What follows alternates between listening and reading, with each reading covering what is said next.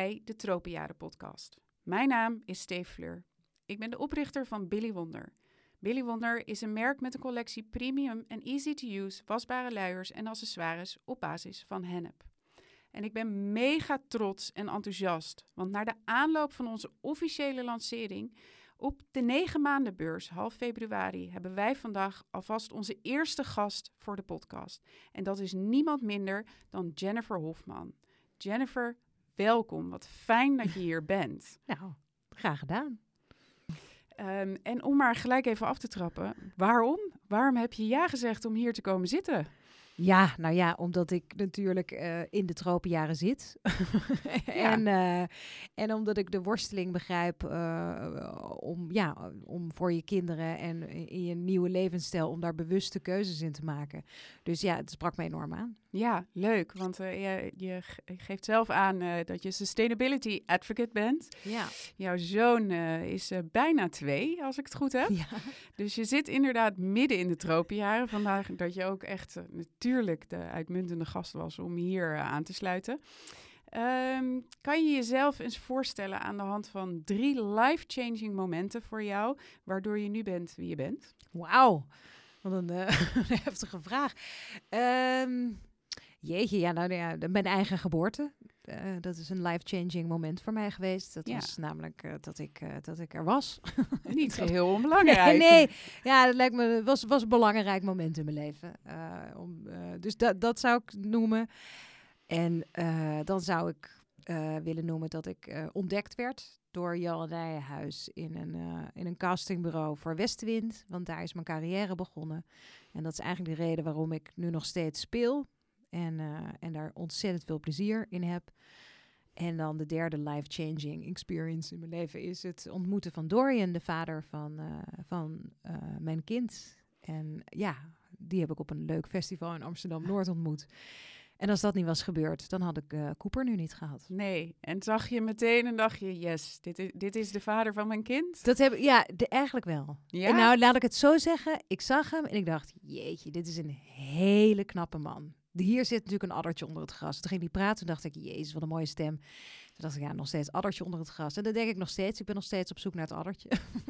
Moet dat addertje er altijd zijn nee, dan? Dat, nee, dat hoeft er dus blijkbaar niet te zijn. Dus ik ben, inmiddels ben ik gerustgesteld en, uh, en ben ik maar gewoon uh, aan het genieten van het geluk. ja, en jullie prachtige zoon. Ja. Heeft het ouderschap je, uh, geeft het je wat je ervan verwacht had? Ja, nou nee, eigenlijk absoluut niet. Want ik denk, ik, ben, ik heb heel lang getwijfeld of ik kinderen wilde. Ik ben ook laat moeder geworden, zoals, uh, zoals dat heet. En um, ja, ik heb gewoon heel lang getwijfeld. Ik was eigenlijk heel gelukkig met mijn leven voor Cooper. Dus ik dacht, wat heeft het, wat heeft het nog toe te voegen? Uh, wat, wat brengt het me? Ja, wordt het leven dan wel beter of leuker? En ik zag natuurlijk veel kinderen en ik zag veel driftbuien. ik zag veel tropenjaren dus. Veel tropenjaren omheen. En ik dacht, ja, waarom zou je het jezelf aandoen? Dus ik twijfelde heel erg. Uh, maar er is natuurlijk ook ergens een instinct of iets dat je denkt, ja, misschien uh, FOMO was aan het vechten met, uh, met al die, die, die driftbuien die ik om me heen had. En toen ging het ook nog eens niet zo makkelijk. Uh, dus we gingen een ziekenhuistraject in, of tenminste beginnen met een ziekenhuistraject. Maar toen kwam corona. En corona heeft daar eigenlijk uh, ja, het roet in het eten gegooid. Op een fantastische manier voor ons. Want alle ziekenhuizen gingen dicht. Dus ik dacht, ja, shit. Uh, dan ga ik er na de zomer wel weer over nadenken. Of ik nou moeder wil worden, ja of nee. En toen gebeurde het plots.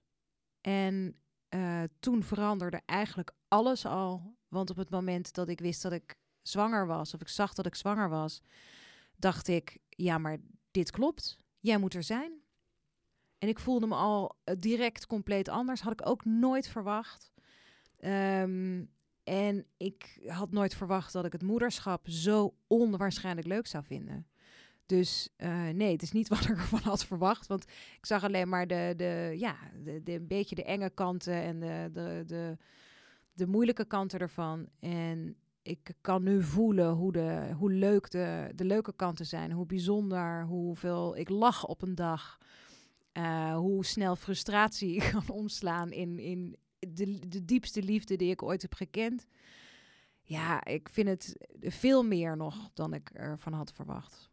Heel veel mooie dingen dus. Heel veel Heb mooie je ook dingen. al wel dat je denkt, dit, oh, dit is wel mijn dieptepunt nu als ouder. Ja, jeetje, die heb ik denk ik wekelijks wel. Eh, ik denk dat ik vorige week nog een had. Toen had ik, eh, toen had Cooper, ehm, ja, die had een, een driftbui weekend. Ik dacht ook, dit, dit is hem nu geworden. Dit is nu zijn karakter. Bleek gelukkig een weekend te zijn, maar echt alles eh, was niet goed. Wat ik hem aan, weet je wel, ik zette het glas hier neer. Nee, dat was niet goed.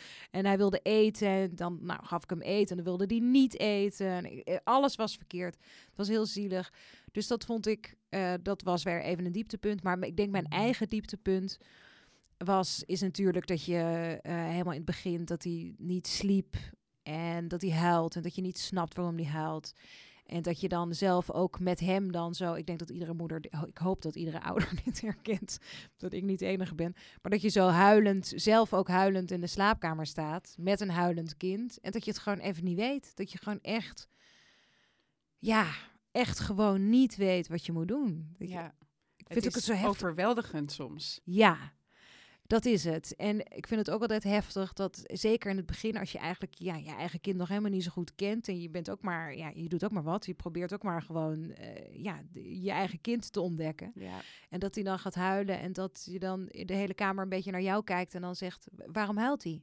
ja, doe er eens wat aan. Ja, Jij weet dit, toch? Ja, dat je denkt, ja, maar ik weet, weet ik veel, ik weet ook niet. Eh, laten we dingen proberen. Hè? Ja, Laten we kijken, eten, weet ik niet. Nou, Ja. blijkbaar niet. Eh, scheten, weet ik niet. Poepen, eh, ge- geen idee. Slapen. Je gaat maar alles proberen. ja, en soms Ja. is het ook maar gewoon even zo. Wij voelen ons ook niet altijd fantastisch. En dat is ook oké. Precies. Ik Maar- vond dat vooral ook wel een, een, een besef. Dat ik dacht, ja, soms, willen, soms voelen ze zich gewoon even niet zo fijn. En dat mag er ook zijn. ja, maar dan moet je achterkomen. En Ja. dan moet je in groeien en langzamerhand denken, oh ja. Dus met die driftbuien denk ik ook, oh ja, ja, ik snap het wel. Ja, je bent bijna twee. Het leven is ook overweldigend voor jou. En eh, ja, laten we het maar even uitzingen Ja. samen. Laten we maar kijken hoe we je blij en, en, en, en rustig kunnen maken. En uiteindelijk komt het dan toch altijd wel weer goed. Ja, Toch? ja, heel erg. En als Ja. het dan goed komt, komt het ook echt heel erg goed. Want Ja. dan denk je, oh nee, godzijdank, ik heb dat, dat hele leuke kindje heb ik weer. Ja, Het hele vrolijke jochie, eh, die, zat er, die zat er gewoon nog. ja, ja. En dan wordt dat weer bizarre de blik liefde opengetrokken... waarvan je, eh, voordat Ja. je ouder werd, denk ik nooit wist dat het bestond überhaupt. Nee, nee, dat blik, daar, eh, ik wist nooit wat erin zat. Ik keek Nee. altijd naar het blik. Ik dacht, ja, eh, het schijnt heel bijzonder te zijn. Maar ik- je krijgt er zoveel voor terug, Ja. maar ik weet het niet. ja, Eh, je gaf het al wel een beetje aan, maar ehm, eh, dat je getwijfeld hebt over het krijgen van kinderen. Ehm, is dat ook in het kader van duurzaamheid? Ja, zeker. Ja, ja absoluut. Ik ben eh, de afgelopen jaren steeds meer me gaan verdiepen in duurzaamheid. En de, nou ja, de, de wereld is aan het veranderen. Ehm, en ik heb twee programma's gemaakt over eh, in de kledingindustrie en over de voedselindustrie, over wie de echte prijs betaalt voor onze goedkope producten. En daar heb ik zoveel, zoveel gezien en zoveel ellende gezien. En het ellende wat, die wij veroorzaken aan de andere kant van de wereld en waar we onze ogen voor sluiten. Eh, ja, dat is verschrikkelijk. Dus duurzaamheid is eh, ehm, echt heel erg belangrijk voor mij eh, geworden. Om, de, om steeds maar in ieder geval zoveel mogelijk duurzame keuzes te maken. En ehm, ja, nou ja, en, en een kind krijgen is niet per se de meest Nee. duurzame keuze. Dat weet je. Nee, misschien wel de minst eigenlijk. Ja, dus eh, de- absoluut, dat is ook een, een twijfel geweest. En ja, uiteindelijk heeft het lot bepaald dat eh Cooper er wilde zijn. Dus dacht ik, nou ja, dan, eh, ja, dan, eh, dan ga ik op dit avontuur. En dan ga ik Ja. proberen in ieder geval in, mijn oude, in de ouderschap en in het, eh, in het krijgen van een kind en het hebben van een kind dan de meest duurzame keuzes eh, maken. Heeft dit je missie ook wel versterkt dus? Het krijgen van Cooper. Ja. Ja, enorm. Ik, de, de, ik denk dat ik voor Cooper. Ehm, eh, ja, dat ik het een belangrijk thema vond. En eh, op mijn Instagram maak ik vaak, eh, probeer ik vaak een beetje op een, op een vrolijke manier en op een luchtige manier mensen te inspireren om duurzamer te gaan nadenken. Dus zonder het vingertje wijzen, maar echt gewoon ja, proberen op een voorzichtige manier mensen te inspireren. En dat past ook bij me. En met een beetje een knipoog en een humor, met, met, met, met wat humor. Maar ik denk dat eh, nu Cooper er is, eh, is er een woede bijgekomen waar ik nog mee moet dealen. Eh, want nu is iedereen aan het spotten met de toekomst van mijn zoon. Ja, en dat is ineens anders. ja, Dat is echt een groot verschil. Daarvoor dacht ik, ja, nou ja, goed. Hè, de- misschien gaat de aarde eraan. misschien gaan we er allemaal aan. We zien wel. ja. En nu denk ik, nee, wacht even. Ik heb een heel leuk jongetje op de aarde gezet. En eh, dat is Cooper. En ik wil dat hij eh, een, een, een, een toekomst heeft. Ik wil dat hij eh, natuur ziet. En ik wil niet dat hij opgroeit in een wereld waarin mensen de aarde kapot maken. Dus er is een, is een woede ontstaan. En ik moet.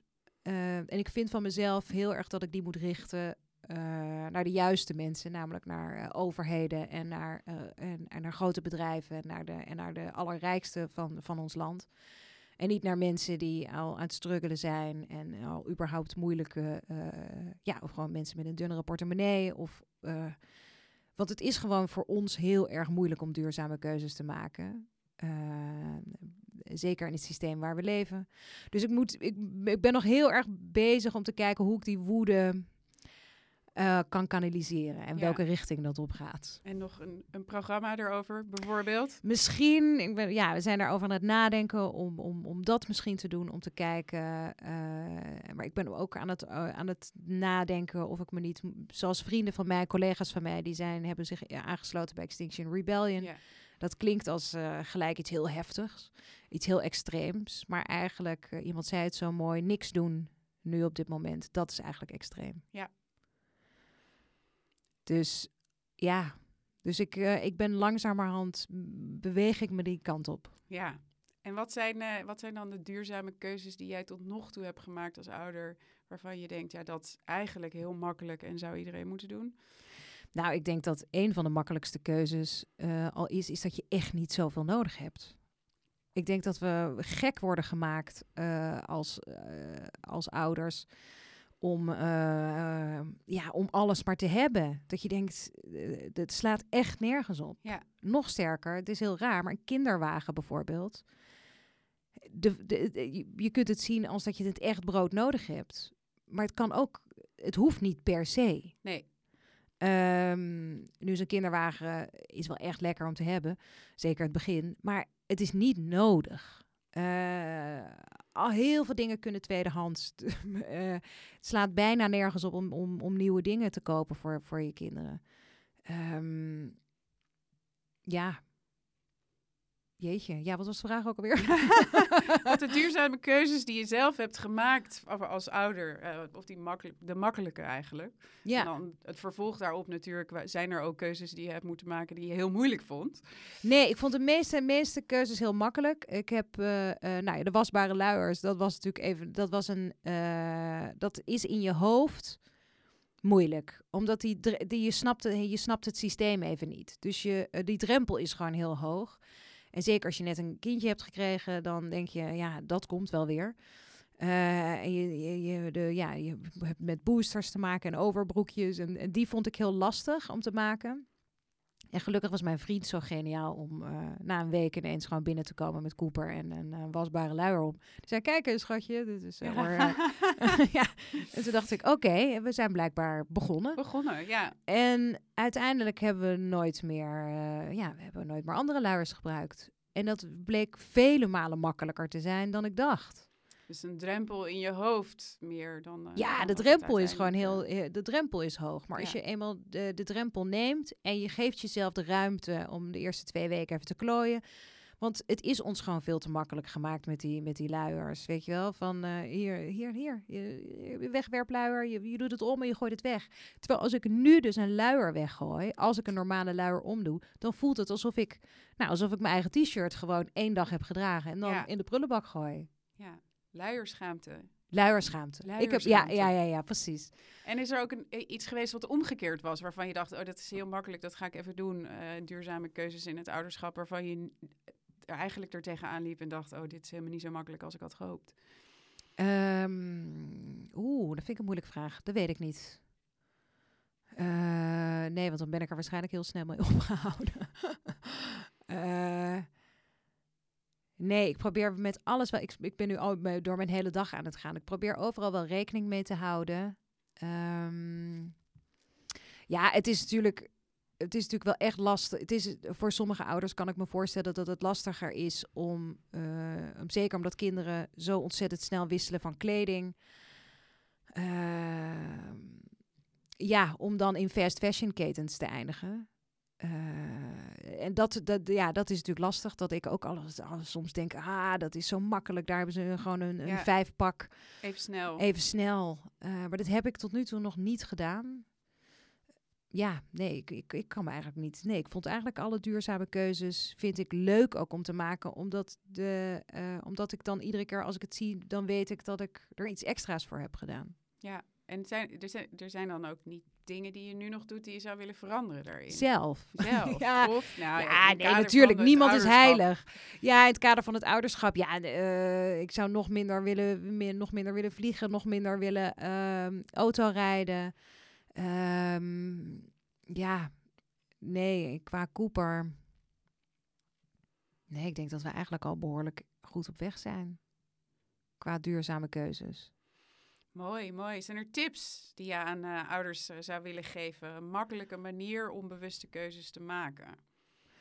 Eh, nou, natuurlijk een algemene tip dat, dat, de, dat als, de, als de baby slaapt, dat je dan echt dingen moet doen die, die voor jezelf zijn.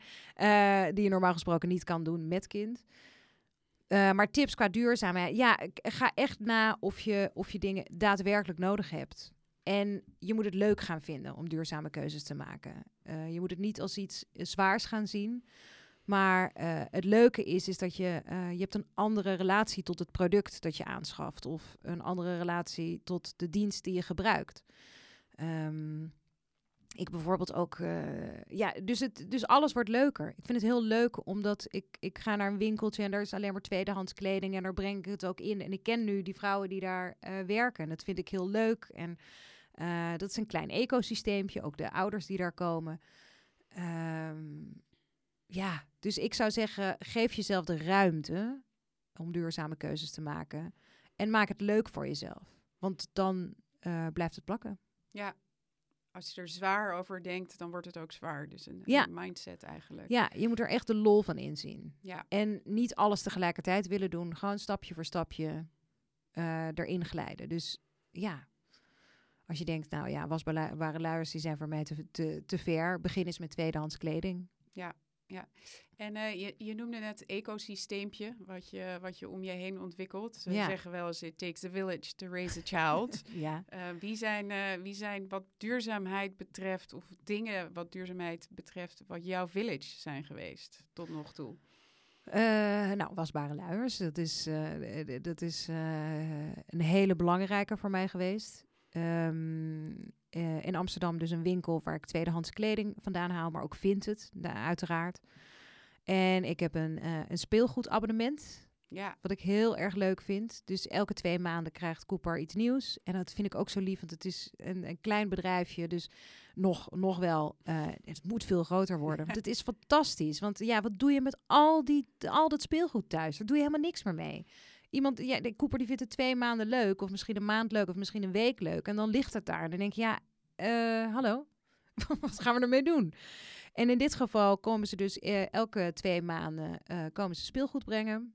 Eh, maken ze een lijstje. Dan krijg je vier nieuwe eh, speelgoedjes. Ze, appen eerst van tevoren. Ze weten een beetje wat er bij jou thuis is. En dan, eh, en dan krijg je een lijstje en dan zeggen ze, ben je akkoord? En dan zeggen ze, nou ja, ik mis nog wel dit. Want hij is nu heel erg, heel erg gefocust op uh, nou, theezetten, weet ik veel wat. Nou, dan krijg je een theezetje erbij. En dan, uh, en dan komen ze dat brengen en dan komen ze de oude tas weer halen. Ja, en dat maken ze schoon en dat gaat weer naar een volgend kind. Ja. En vervolgens heb je dus niet die troep thuis. Ja, ik vind dat echt een verademing. Ja, klinkt als uh, iets goeds ook om aan te haken bij de Tropia. Ja, ja. Jennifer, ik wil je heel graag heel hartelijk bedanken dat je hier was. Eh, ik vind het te gek dat je ons een kleine inkijk hebt gegeven in jouw uh, duurzame reis als, als ouder. Um, super veel dank hiervoor. Nou, graag gedaan. En uh, voor de luisteraars, ik hoop jullie allemaal uh, uiteraard terug te zien uh, op de negen maandenbeurs in Amsterdam in de RAI, waar we de volgende podcast op zullen nemen. En daarvoor hebben we een hele leuke lijst met, met gasten bij elkaar weten te verzamelen. Dus allemaal 15, 16, 17 en 18 februari in de RAI op de negen maandenbeurs.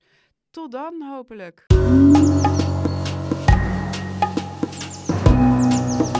home.